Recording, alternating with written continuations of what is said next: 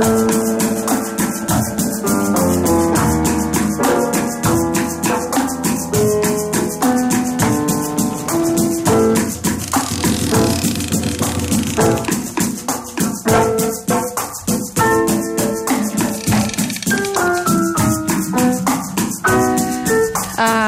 el professor de l'escola que l'ordre del producte no afecta um, rasquera, no? L'ordre dels factors no, no afecta el producte. De fet, amb aquest, amb aquest sentit m'afavoreix perquè si és el Martí que ve, que parla tan bé i Sí. que ho fa tot tan estupendament, molt millor que vagi després com les estrelles. Bé, no se sap uh, qui és taloner d'aquí, però Quique Ramos, amb la seva humil humilitat que el caracteritza, ve avui a parlar-nos d'una història preciosa també de professors, d'allò de l'ordre no altera el producte, però en Ah, aquest exacte. cas sí que altera el producte perquè estem parlant d'una poeta activista i sobretot mm. professora que es deia Nancy Sí. Dupré i que un dia va juntar els nens del seu col·le i els, Sí. va, fer, els va fer cantar. Has de fer cantar, exacte. Recordeu, Ah, recordeu que aquesta secció es diu Contra la bona música. cosa bastant incomprensible avui, però bueno, Exacte. no, no passa res tampoc. Uh, res, avui he portat un disco amb, amb nens que canten, és així un dels meus gèneres favorits. Mm -hmm. uh, de vegades... Perquè no es consideraria en principi bona música. Quan, quan hi ha nens pel mig sempre se li suposa un fet amateur, etc. no? Bueno, clar, són... O sigui, quan em refereixo a discos de nens i a cançons de nens, no em refereixo als nens cantors de Viena ni a Mhm. No, res no, d'això, no, sinó ho sabíem, nens com si fossin els nostres nebots o fills tocant-nos els nassos de bon matí Amb la flauta dolça. amb la flauta dolça i cridant molt amb un dia de ressaca, etc. El que passa és que, clar, els nens, a part de ser una mica irritants de vegades, doncs també... Fan coses meravelloses com aquesta que sentirem avui. Exacte. Anem a sentir un fragment i comences a explicar la, la història. Perfecte. It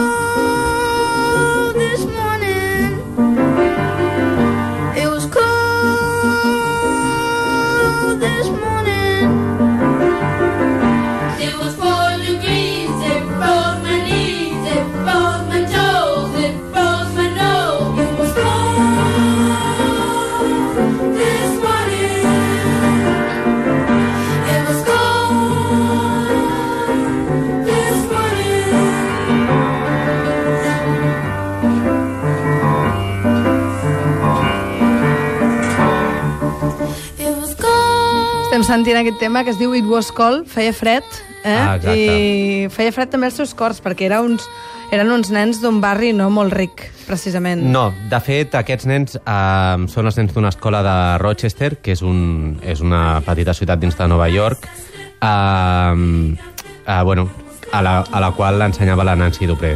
Uh -huh. eh, això està gravat a finals del 60, l'any 69, el, en un barri de, de Rochester que era, bueno, doncs, era on vivien així molts nens pobres i, i negres, perquè En la normalment seva majoria. coincidia. Eh, a la ciutat no feia gaire que havien hagut uns, uns disturbis on per primer cop així amb, amb tota aquesta zona el, el govern nord-americà va enviar la Guàrdia Nacional per acabar amb una revolta que es va, que es va provocar per culpa de, de tot de detencions arbitràries i constants a, a joves negres per part de la policia. Uh -huh. De I, quin bueno, any estem parlant? Això a finals dels 60. això estem parlant de meitats dels 60 i des de llavors doncs, a Rochester hi havia bastant moviment, hi havia bastant de control policial perquè en principi allò no tornés a esclatar, cosa que creava bastanta més tensió. I ja veieu, els nens aquests cantant eh, tenia molt de fred, tenia molt de fred, eh, estàvem a 4 graus i em, em, em moria It froze my knees, o sigui, se'm van Ah, congelar els genolls, se'm van congelar el, el nas, etc. Vull dir que semblava molt innocent tot això. Semblava bastant innocent, però gràcies, o en part gràcies a la Nancy Dupré, eh, no era tant, perquè el que ella volia fer amb aquesta escola on, on anava a ensenyar música en un principi era no només ensenyar música a aquests nens, sinó donar-los eines per, per sentir-se orgullosos de si mateixos i tot i la misèria que els envoltava i tots aquests problemes racials que hi havia a, a, a la seva ciutat, doncs explicar-los que, Que que ells també podien ser gent de profit, que hi havia futur, que tenien exemples meravellosos al voltant i que, hòstia, que ells podien fer grans coses. I ells podien ser els James Browns de gran, no? Una mica, els hi va dir un dia. Ah, exacte. Tots Doncs- aquests nens eren superfans del, del James Brown Clar, i qui no ella és?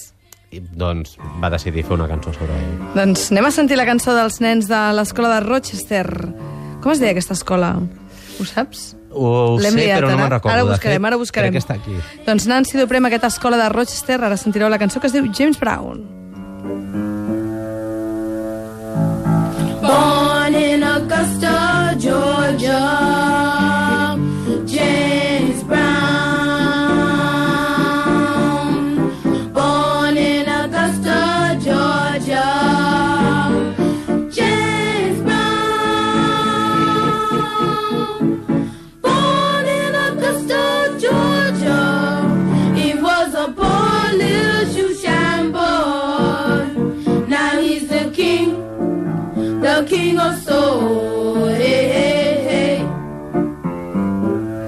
Ens caurà la llagrimeta, eh? T'he de dir, Quique Ramos, que estic una mica gallina de piel amb aquests nens cantant eh, sobre James Brown, dient que va néixer a Georgia i que els hi agrada perquè era un noi amb les sabates ben enllustrades. Ah, exacte. O sigui, això era un negre tontíssima. amb les sabates ben enllustrades, amb un cabell afro poderós, que cantava coses com això tan famós de Soc negre i n'estic orgullós, i que per ells pues, era un exemple fantàstic perquè hem de pensar que fins i tot encara ara a, l'arquetip de, de, simplement de, de portar un pentinat afro és, és com una cosa que... Mhm. Ara que està de nens- moda, però en el seu moment eh, era una cosa que s'havia de tornar com a De fet, reivindicar, tant en el no? seu moment com ara, no sé si has vist el documental aquest que es diu Good Hair, que va sobre el cabell Sí, dels sí, sí. negres, que és, és molt divertit perquè parlen d'aquest estereotip de què és tenir un bon cabell.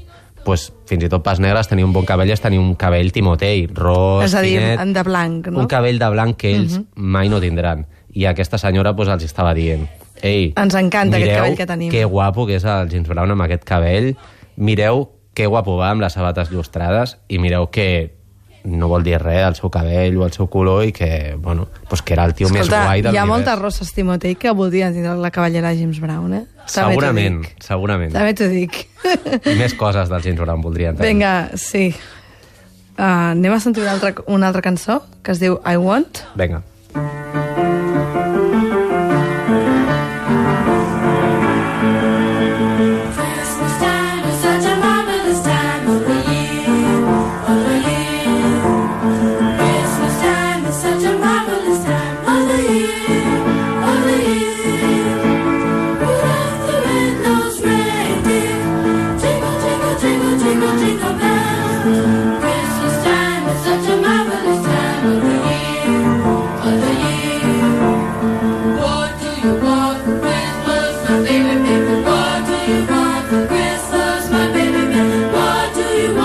Per cert, que si sou com jo i us voleu regalar aquest eh, disc eh, per Reixos, que diuen al meu poble, pel Reis, mm. doncs heu d'enviar una carta a R Mississippi Records, o una carta o un correu electrònic, que són molt moderns. De fet, no són gaire moderns. Els No? tios no tenen... Però un correu electrònic no.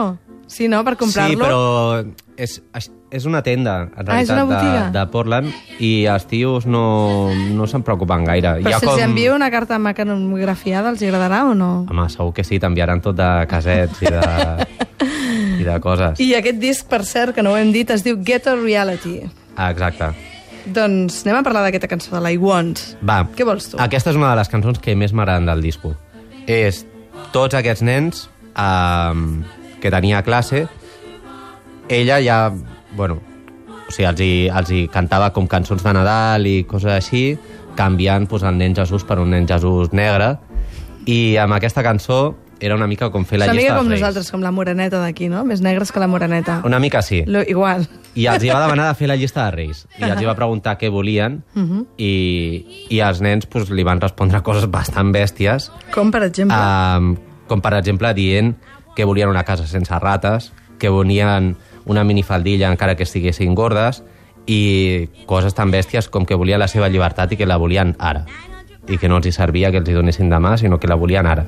I eren nens petits. Bueno, és que quan diuen que quan som més petits és quan diem la veritat, no? Suposo que a sí. partir de llavors ens creix el nas i ja no hi ha res a fer.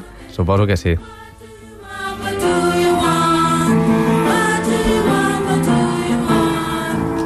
Vosaltres què voleu per Reis? Jo vull aquest Ghetto Reality, que m'està agradant molt, aquest disco de Mississippi Records, que ens ha portat Quique Ramos. I d'aquesta discogràfica ho podeu eh? pillar Estic que tot, no tot toco, el que no toco ni quarts ni hores ara mateix. pues mira, perfecte. Demà escriuré a Portland directament, els Reis Mags que passin per Portland. Uh, un últim tema, què et sembla? Voleu que expliqui una mica la història d'aquesta senyora, que també està sí, bastant bé? tant. Nancy Dupré. Aquesta senyora, després de fer aquest disco tan increïble que va aconseguir treure menjant-li al cap durant un vol al, al director de la discogràfica, que se'l va trobar amb, amb un avió i El es de va Mississippi seure... Records? No, Ah. o sigui, el, A- a l'antic, d'acord, d'acord. el Dic, de a veure si era un, un... Ja li havia venut allò el primer. No, no, la senyora tenia aquesta idea i se'l va trobar amb un avió i va dir pues va aquesta és la meva. Li va menjar l'orella aprofitant que no es podia marxar de cap manera fins que el va convèncer. Poc després de gravar aquest disco, eh, a aquesta senyora la van fer fora de la seva escola perquè es va negar a fer servir durant tot el dia tacons.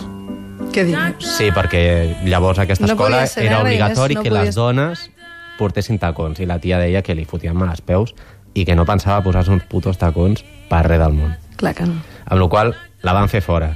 Després d'això es va dedicar a Anar plana per la vida? anar plana per la vida i va començar a tenir relació amb el partit dels Panteres Negres Mhm. i anava pels, pels puestos fent, fent recetes de poesia on imitava l'accent de, dels primers immigrants jamaicans que van arribar a, Estats Units. a Amèrica, Estats Units, i es trobava amb el problema que els blancs pensaven que els estaven prenent el pèl i els I negres s'ofenien perquè es pensaven que els estava tractant com idiotes.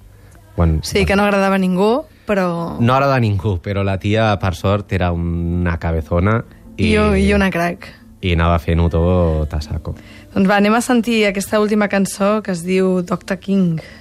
Dr. King, Dr. King, Dr. King, Dr. King, Dr. King, Dr. King. Qui era aquest Dr. King? Aquest Dr. King era el Martin Luther King, que era un altre dels bons exemples que els explicava als nens per, perquè sentissin que podien fer coses importants i, i bueno, en aquest, en aquest moment doncs, ja li havien fotut un tret i, i res. Ella intentava com a l'escola fer un programa d'estudis així una mica centrat en la història de, dels... Ara hauríem de, de fer un documental sobre què els hi va passar amb aquests nens de Rochester després de cantar aquestes boniques cançons i de tenir una profe com la Nancy mm. Dupré, perquè segur que han fet grans coses. Seria bastant interessant, sí. Doncs res, truquem aquí als de l'Inèdit, que Segur que cap d'ells es va enganxar al crack. Eh, vés a saber. doncs moltíssimes gràcies, Quique Ramos. Ens ha agradat molt aquesta història. Ghetto Reality és aquest disc de Mississippi Records, on escriurem amb una carta manuscrita. Ja passem de mecanografies i anem directament a puny i, lletra. Allà tens l'oportunitat a Mississippi Records de fer-te una subscripció. O sigui, és, és tan, tan És- guai que pots dir, mira, jo pago, jo què sé, 70 dòlars o el Mm. Que sigui. el que vulguis, i llavors ells et van enviant les novetats. Tu dius si, per exemple, no t'interessen les reedicions de punk, perquè també fan, fan una Fan de mica de tot. tot, o simplement, pues, com que tot el que treuen és tan bo, pues, que et vagi arribant i llavors quan se t'acaben els diners t'avisen Fas la pinta "Què vols de, fer?" de ser pensionista de Mississippi Records. No, malauradament no, perquè No et paguem prou al cabaret elèctric. No em pagueu això, prou. No? Doncs a veure si ho arreglem, això. Moltíssimes gràcies, Quique Ramos. Fins aviat. Adeu. Merci.